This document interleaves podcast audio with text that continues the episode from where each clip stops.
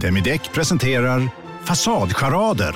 Dörrklockan. Du ska gå in där. Polis? Effektar? Nej, tennis tror jag. Pingvin. Alltså jag fattar inte att ni inte ser. Va? Nymålat! Men det var många år sedan vi målade. Demideckare målar gärna, men inte så ofta. Bara på Storytel. En natt i maj 1973 blir en kvinna brutalt mördad på en mörk gångväg. Lyssna på första delen i min nya ljudserie. Hennes sista steg av mig, Denise Rubberg. Inspirerad av verkliga händelser. Bara på Storytel. Hej, Susanne Axel här. När du gör som jag och listar dig på en av Krys vårdcentraler får du en fast läkarkontakt som kan din sjukdomshistoria. Du får träffa erfarna specialister, tillgång till lättakuten och så kan du chatta med vårdpersonalen. Så gör ditt viktigaste val idag, lista dig hos Kry.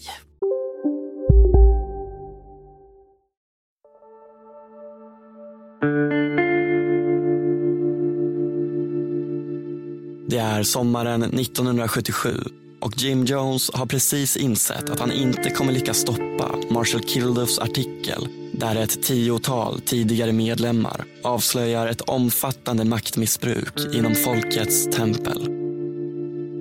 Det är anklagelser om allt från fysisk misshandel till bedrägliga metoder som fejkade healings och manipuleringar att donera alla sina tillgångar till kyrkan. Jim Jones beslutar abrupt att omedelbart lämna San Francisco. Sida vid sida med hundratals av hans mest dedikerade medlemmar reser han till Jonestown. Det är dags att löpa linan ut och bygga upp det utopiska samhälle som de alla har drömt om. Men det de inte vet är att det här också markerar början på slutet att nästan samtliga kommer vara döda inom mindre än två år.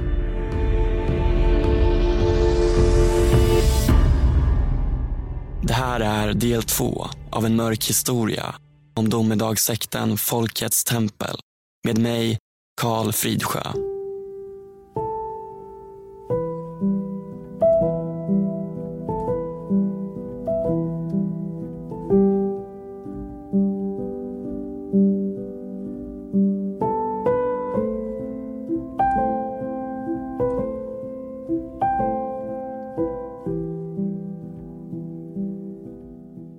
Jonestown fick alla arbeta hårda, långa dagar och dra sitt strå till stacken.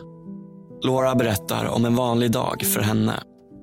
I worked in the field. So I get up in the morning and I was, you know, I led my crew and we went out and got greens from different parts of the jungle, or we'd plant sweet potatoes, or be on a uh, bucket brigade to water our plants, or we'd dig up cassava, or we'd plant cassava, or make soap, or you know, take care of the hill rice. So we did all kinds of things in agriculture. So that was my job during the day in Jonestown. And then at night, sometimes I taught Spanish in the school and sometimes I did counseling. And then at the end of the night, I would work in the law office and type different kinds of reports because we were creating a, um, kind of a bibliography of all the stu- all the people who lived in Jonestown because at one point we were looking to move to the Soviet Union and we needed to know people's background, but also we were just compiling more information about the people living in Guyana. De bodde alla i små kommunala hus. Efter arbetet så deltog man i gudstjänster eller klasser i socialistisk lära. Laura berättar att folk var utmattade men att ett litet samhälle började formas. De startade till och med sitt eget basketlag som reste runt i landet och tävlade. I många år så hade Jones kontrollerat flera aspekter av medlemmarnas liv. Men i Guyana så förändrades framförallt två saker som jag anser är avgörande för det som senare skulle utspela sig. Det första är att Jones helt plötsligt fick fullständig kontroll över informationsflödet in och ut ur staden. There was no telephone service. There was no radio service. Really, for the first year, we had hardly any electricity. We had a radio that was definitely under the control of Jim and his mistresses and secretaries.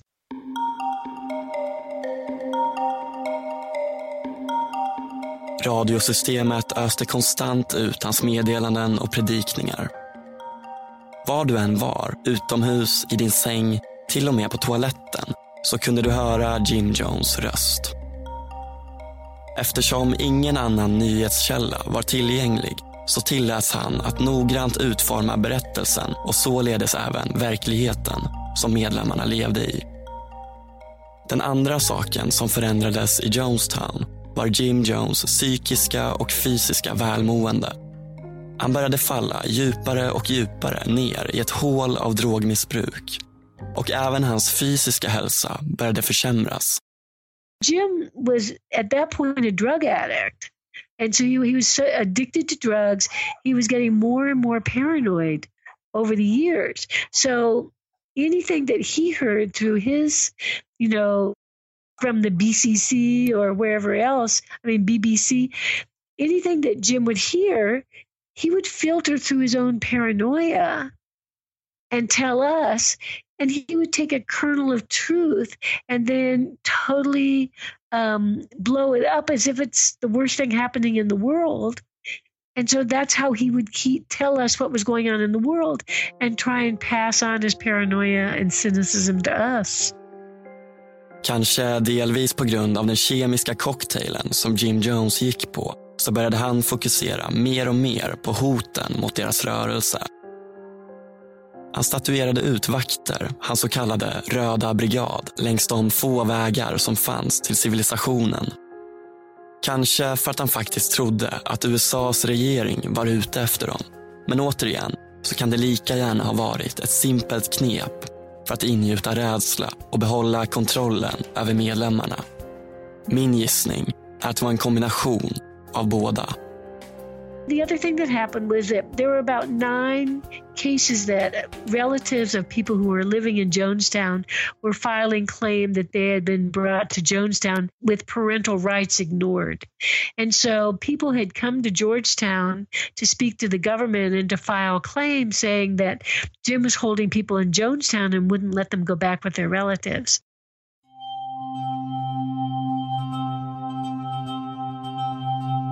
De oroliga släktingarna i USA bedrev en kampanj mot Jonestown. De beskrev det som ett koncentrationsläger och påstod att alla som försökte lämna skulle skjutas och lämnas livlösa i djungeln. Deras ansträngningar och press mot politiker gav äntligen resultat när kongressledamot Leo Ryan meddelade att han personligen skulle åka på en undersökningsresa till Guyana han ville tala med medlemmarna och se med sina egna ögon förhållandena som de levde under för att kunna avgöra om saker och ting stod rätt till eller inte.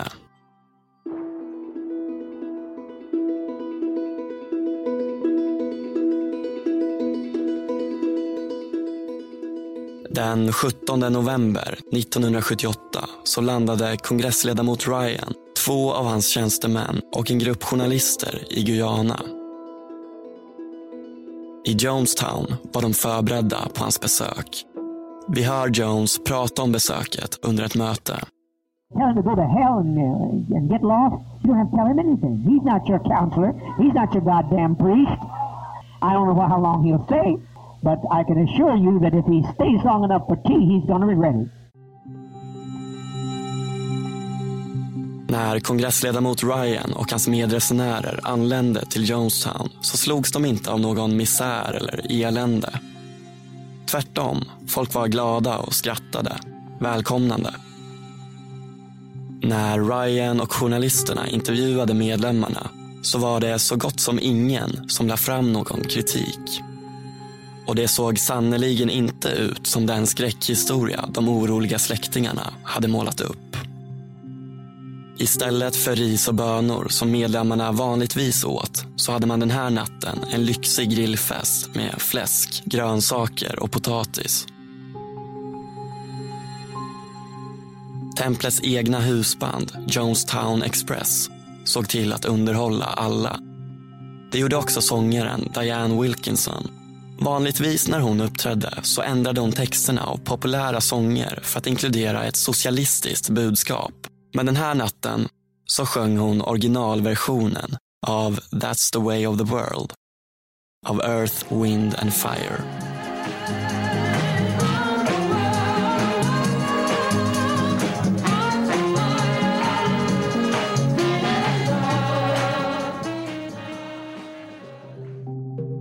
Ryan såg en livfull gemenskap och när han blev tillfrågad att hålla ett tal så berättade han just detta. Och notera den spektakulära reaktionen. We welcome you and we'd like for you to say a few words to us. Thank you. I think that all of you know that I'm here to find out more about uh, questions that have been raised about your operation here. But I can tell you right now that from the few conversations I've had with some of the folks here already this evening that uh, whatever the comments are, there are some people here who believe that this is the best thing that ever happened in their whole life.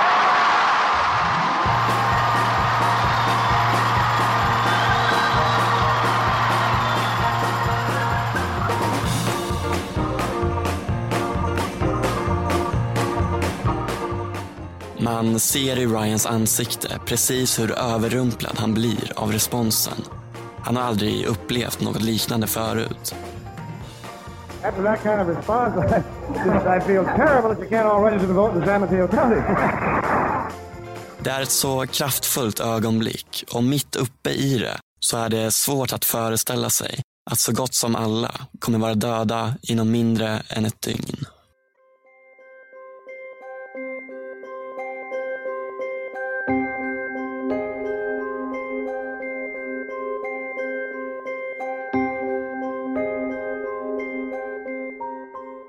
Men om det nu var sant att folk faktiskt ville fly från Jonestown, var inte det här deras chans? En kongressledamot från USA som är på besök och till och med erbjuder transport åt de som vill. Jo, absolut. Det här var definitivt en verklig chans att bryta sig loss. Men kanske var det inte så lätt som man vid en första anblick kan tro. Laura beskriver en kultur där man var rädd för att prata öppet om problemen. We never really had time to kind of check in with each other and see what was going on. And unfortunately what that meant is that nobody could talk to you like if you if somebody wasn't happy for one thing they would never come talk to me about it because I was very happy. But looking at the more sinister side of what was going on in Jonestown, it was very much like Nazi Germany. When in Nazi Germany, when parents were unhappy, the children would turn them in. In you know, if anybody heard any negative comments, they would be dealt with by the Gestapo and by people in the government. And really, Jonestown became that. If you had anything negative to say and you started talking about that, you would be called up in public in our general meetings and the whole thing would be discussed. Att hoppa av var dessutom det största brottet du kunde begå. Och att ens nämna något så oskyldigt som en semester var inte populärt. Vi hör hur det kunde gå till under ett möte.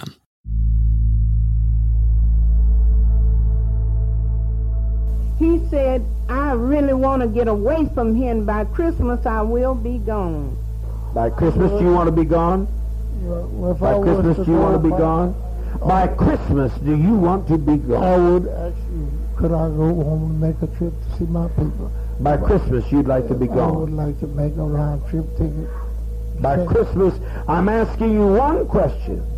You have listened here many times to what I said, and I do not intend now to repeat myself. I have established myself on this proposition unequivocally clear, and I have now moved from an administrative socialist office into the office of Savior.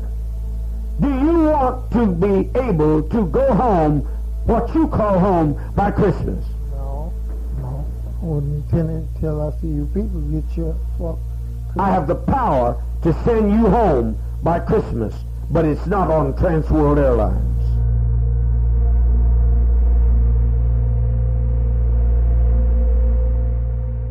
Do you want to go home? No. Well, then be seated and shut your mouth and don't be in my face anymore. Det var nästan förutbestämt att eventuella avhoppare skulle mötas av mycket drama. När man tänker efter så kanske det är logiskt att inte börja slå på den stora trumman direkt och istället avvakta lite med sina intentioner. Och det är precis vad som hände. Senare samma kväll räckte en av medlemmarna över en liten lapp till NBCs korrespondent Don Harris. Det stod “Snälla, hjälp mig ut ur Jonestown”. Nästa dag så ifrågasatte han Jones. Varför var en av hans medlemmar så uppenbart rädd för att tala ut?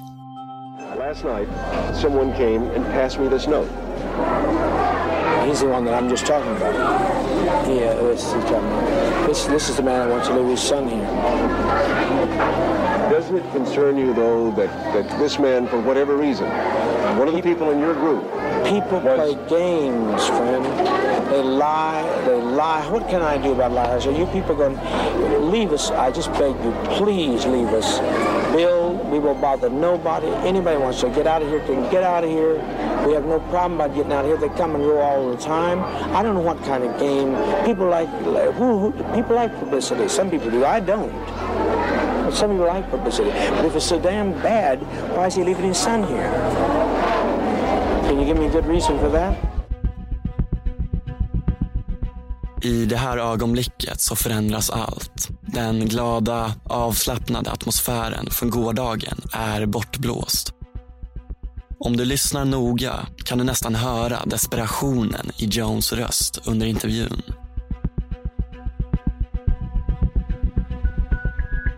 En senior medlem tillkännager att hon också vill lämna.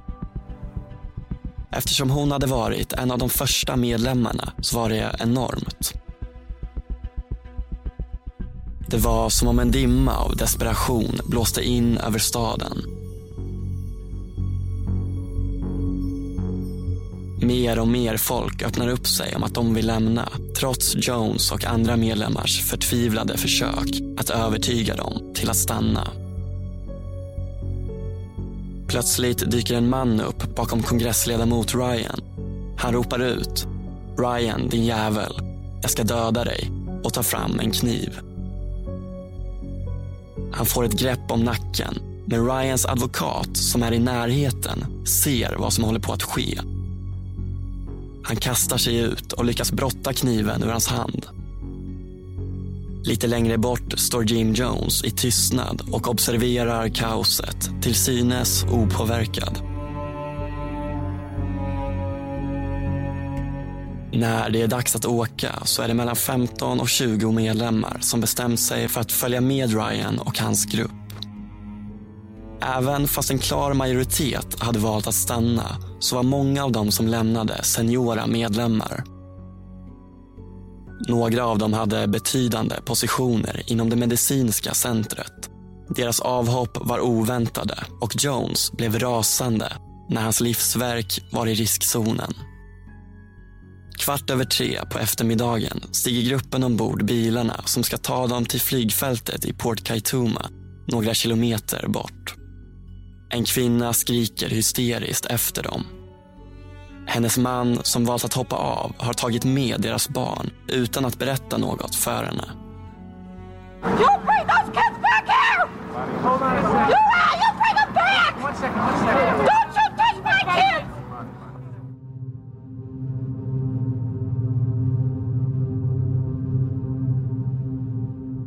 I sista minuten så hoppar Larry Layton, en av Jones mest förtrogna medlemmar, ombord.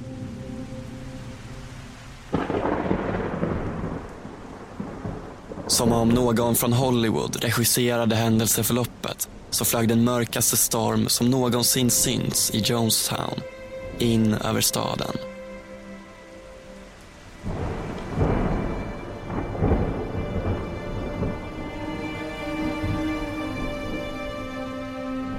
När gruppen anlände till flygbanan så delades de upp i två plan. Först skulle det mindre planet lyfta, en sexsätes Cessna. Det hade precis tagit sig till ena sidan av landningsbanan när Larry Layton, den sista medlemmen som anslöt till gruppen, drog upp en pistol och började skjuta. Ungefär samtidigt så dyker en bil upp ur djungeln Nio vakter från den röda brigaden öppnar eld mot det andra planet och människorna som fortfarande stod på marken runt omkring. De hade ingen chans att försvara sig.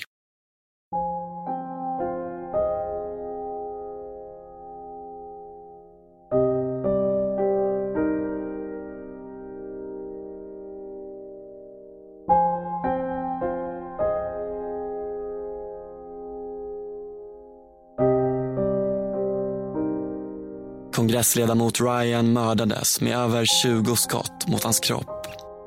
Några människor överlevde genom att instinktivt spela döda i en pöl av blod och livlösa kroppar. Andra hade helt enkelt tur eller lyckades fly ut i djungeln. Fem människor omkom och fick aldrig återvända hem till deras familjer.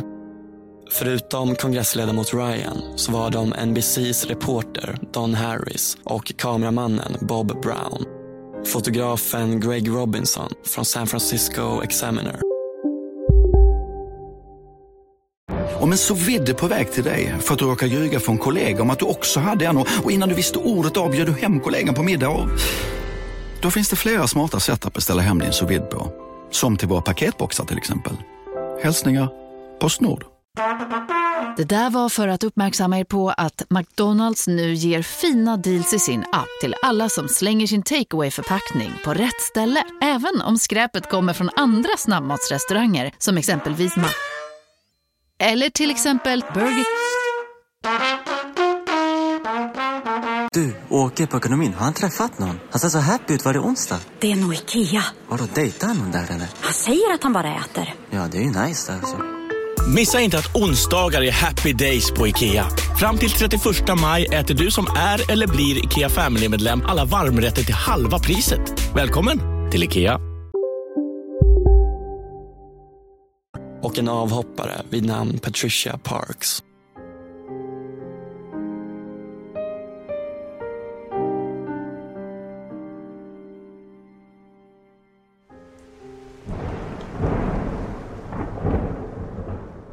Borta i Jonestown så hade stormen börjat lugna ner sig.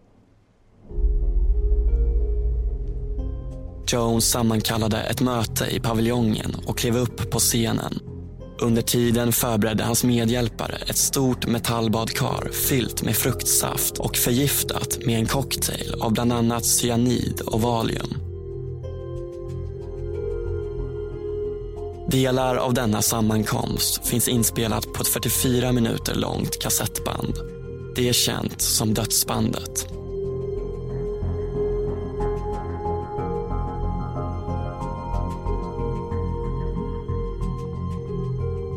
I början av inspelningen så kan man höra Jones bekräfta att han är fullt medveten om att planen i Port Kaituma inte kommer att anlända till sin slutdestination.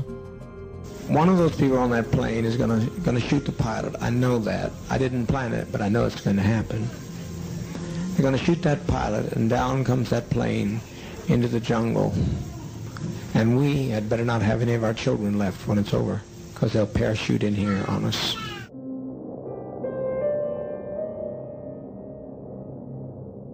Han fortsätter att tala om vad han kallar för århundradets förräderi och om barnen som har blivit stulna och som ett direkt resultat av det nu antagligen är döda. Han förklarar att kongressledamot Ryans död onekligen markerar slutet för Jonestown och deras gemenskap oavsett vad de tar sig till.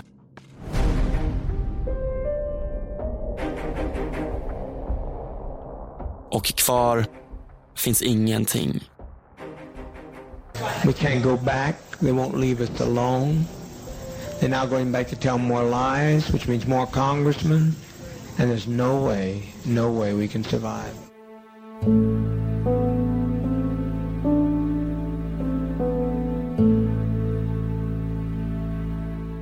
Så eh, föreställ dig att du är tillbaka på det där fältet som vi pratade om i början.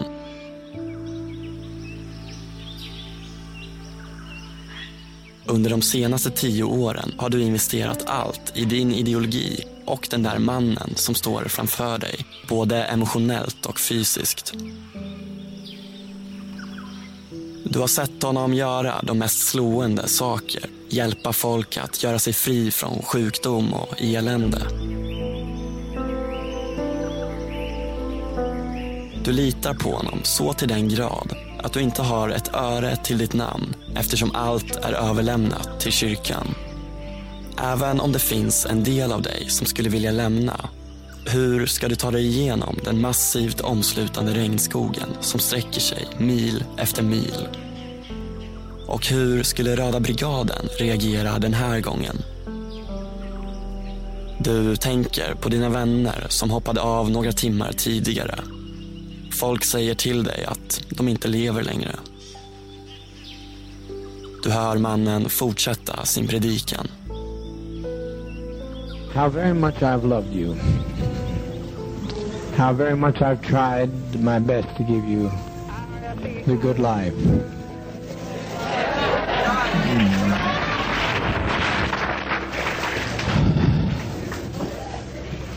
But in spite of all of that I've tried, a handful of our people with their lies have made our life impossible.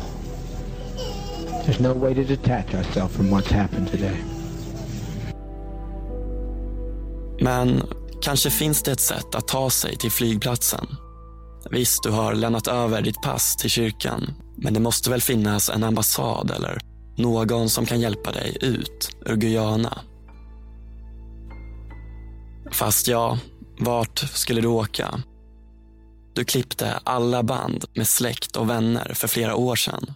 Och USA, det orättvisa, korrupta, obrydda landet som är i krig mot kommunismen, din ideologi. Landet som mannen själv har sagt vill förstöra allt det du jobbat så hårt för. Ditt hjärta slår fortare. Mannen fortsätter. The world, the kingdom suffereth violence, and the violence shall take it by force. If we can't live in peace, then let's die in peace.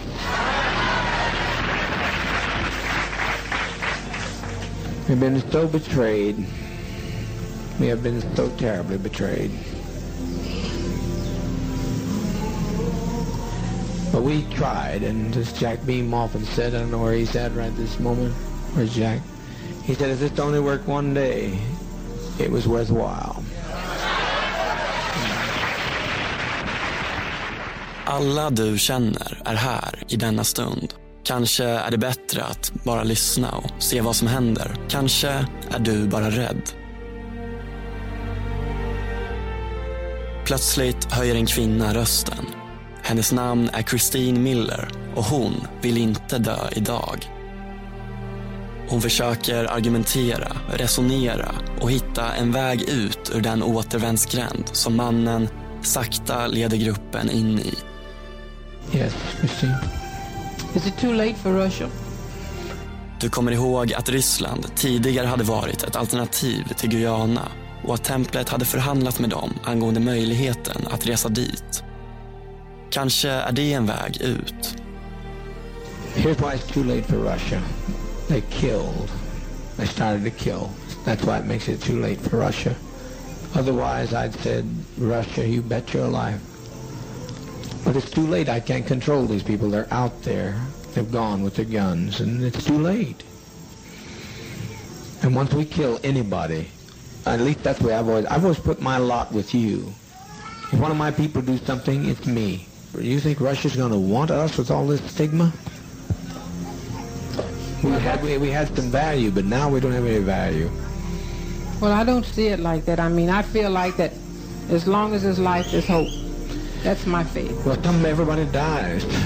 Someplace that hope runs out because everybody dies. Du inser att mannen har rätt. Ryssland är inte längre ett alternativ efter kongressledamot Ryans död. Christine Miller fortsätter argumentera för hennes liv. Men alla hennes invändningar skjuts snabbt ner. Så vad ska du göra? Du kommer ihåg allt det där goda som kyrkan har gjort. Alla människor ni räddade från missbruk, från fattigdom, från skadliga relationer. Hur hårt ni kämpat för grundläggande mänskliga rättigheter. Alla antirasistiska framsteg. Varför kunde inte omvärlden bara förstå? Och nu, säger mannen, är de ute efter er. Don't be afraid to die. If, you, if these people land out here, they'll, they'll torture some of our children here. They'll torture our people. They'll torture our seniors. We cannot have this. Are you going to separate yourself from whoever shot the congressman? I don't know who shot him.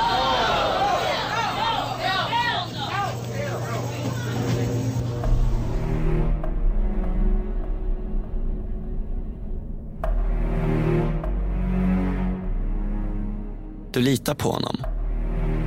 Du har inte levt de senaste tio åren av ditt liv i en lögn.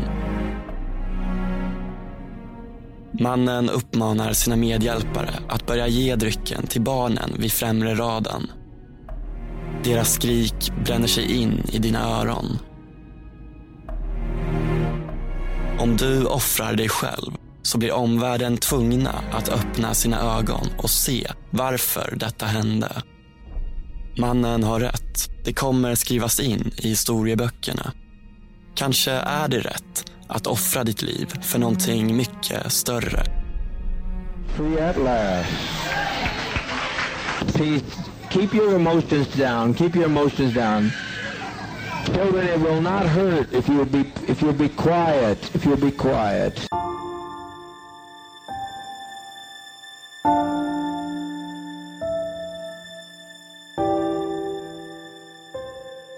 Inom fem minuter så kommer barnens röda blodkroppar att ha förlorat förmågan att plocka upp och transportera syre till cellerna. De kommer att ta några andetag och chippa efter andan. Men det är meningslöst eftersom syret inte längre kan utnyttjas. De kommer effektivt att kvävas samtidigt som de är vid medvetande och upplever extrem smärta som närmast kan liknas vid en hjärtattack. En kvinna höjer rösten. the most loving thing all of us could have done. And it's been a pleasure walking with all of you in this revolutionary struggle. No other way I would rather go than give my life for socialism, communism. And I thank Dad very, very much. All they're doing is taking a drink to take to go to sleep. That's what death is, sleep. Tired of it. I'm tired of it all. Take our life from us. We laid it down. We got tired. We didn't commit suicide. We committed an act of revolutionary suicide protesting the conditions of an inhumane world.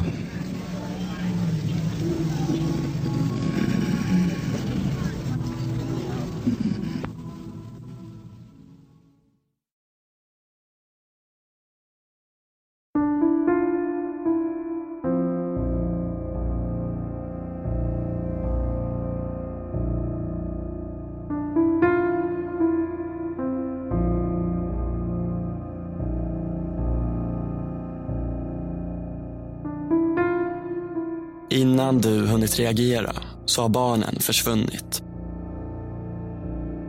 De var runt 250 stycken.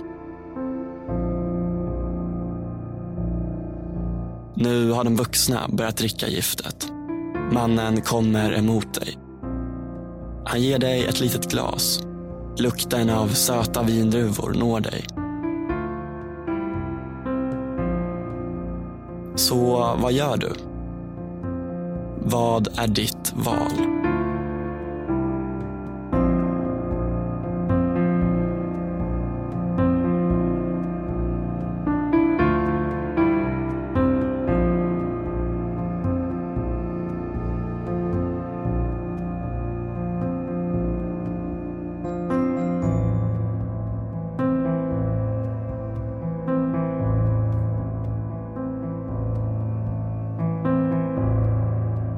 Media har konsekvent målat upp händelserna i Jonestown som ett massjälvmord.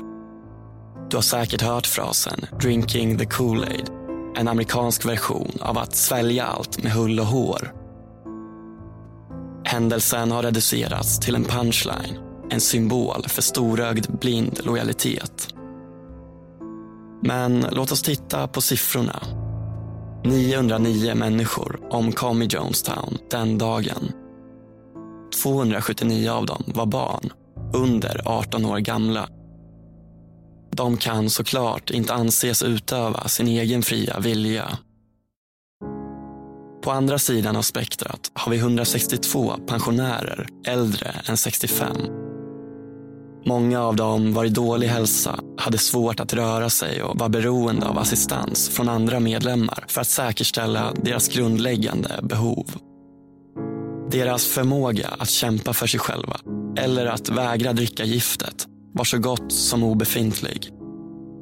Bara av att lägga ihop de här två grupperna kan vi konstatera att nästan hälften av de avlidna inte tog sina liv. Helt enkelt för att de inte hade mandat eller förmågan att ta det beslutet. Vidare så hade uppskattningsvis mellan 70 och 180 människor injektionsmärken på sina kroppar. Mestadels lokaliserade mellan skulderbladen. Vilket indikerar att injektionerna kan ha varit tvingade. Av de få som är kvar, hur många blev manipulerade av Jim Jones korrupta taktiker? Hur många trodde att de skulle bli skjutna eller torterade om de inte drack giftet? Hur många agerade i total chock från att ha sett deras barn eller vänner dö framför deras ögon? Och slutligen, hur många personer talade Christine Miller för i hennes gagnlösa protest?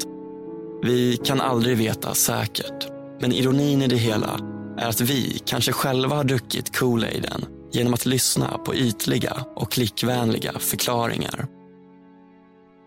Och förresten, det var inte Kool-Aid som de drack. Det var ett annat liknande varumärke som inte lika många känner till. Jim Jones själv drack inte cyanid. Han hittades liggandes på marken med en skottskada i huvudet. En bit bort låg en pistol. Under obduktionen kunde man aldrig fastställa om han blev mördad eller själv tog sitt liv. De fysiska bevisen, kulans riktning och pistolens position kunde aldrig utesluta något av scenarierna. Endast en handfull människor som var i Jonestown under den här tiden överlevde. De flesta som klarade sig var av olika anledningar någon annanstans i landet. Laura blev bara en månad tidigare ivägskickad för att arbeta i huvudstaden Georgetown. Jag frågar henne.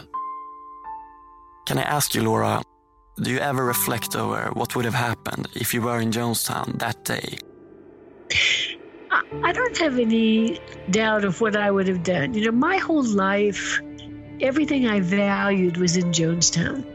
And so if I saw people around me dying, I can't imagine that I would want to live through that. So I don't have any question if I had been in Jonestown that day.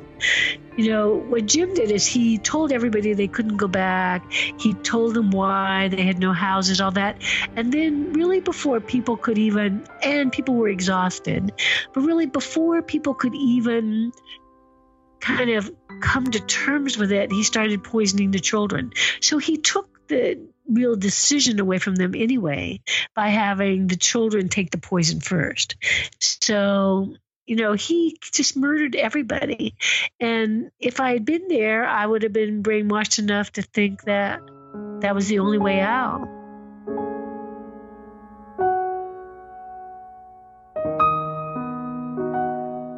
Idag, nästan 40 år senare, präglas Lauras liv fortfarande av händelserna. Men hon berättar samtidigt att hon har haft det lättare än många andra överlevare. You can always survive. And not that it's easy. It certainly has not been easy. And it's been easier on me than on some of the other survivors who had, you know, their loved ones and children and other people die. I mean, in a way, you know, I didn't have any blood relatives there. I had my whole life and my whole dream. But still, it was much easier on me than people who lost their children. Now that I'm a parent, I can't even imagine that. Det är för enkelt att avfärda folk som oförnuftiga sektmedlemmar. Sanningen är att det fanns lika många vägar till Jonestown som medlemmar. Några föddes in i det eller introducerades av sin familj. Många var offer, drabbade av tro på en korrupt ledare. drabbade av isolering, av begränsad information, av slump eller av att vara fullständigt beroende av andra. Många var också godhjärtade idealister kämpandes för sin utopiska dröm. Det som hände i Jonestown måste alltid betraktas som ett massmord med några självmord, även om det inte blir en lika snärtig rubrik. Här väljer jag att sätta punkt för den här gången. Men historien tog inte slut här. Den fortsätter att leva med Laura, med de andra överlevarna, anhöriga och vänner till alla offer och inblandade. Jag vill tacka Jonestown-institutet och alla andra som har delat sina historier. Ett särskilt tack till Laura Johnston Cole som också har skrivit en bok om sina upplevelser som heter Jonestown Survivor. Musiken i avsnittet kommer från Epidemic Sound och jag heter Karl Fridsjö. Missa inte nya avsnitt och stötta en mörk historia genom att prenumerera i din podcastapp.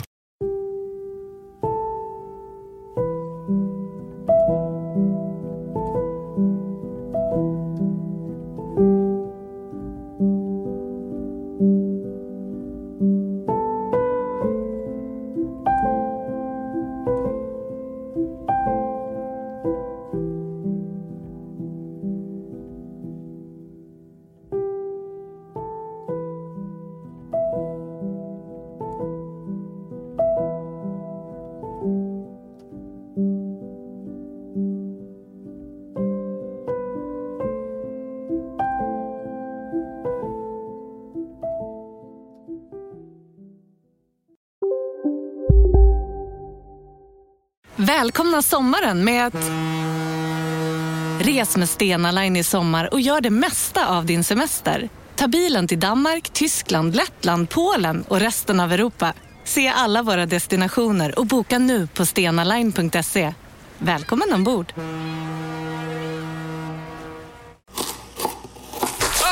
Dåliga vibrationer är att skära av sig tummen i köket. Ja! Bra vibrationer är att du har en tumme till och kan scrolla vidare. Alla abonnemang för 20 kronor i månaden i fyra månader. Vimla! Mobiloperatören med bra vibrationer.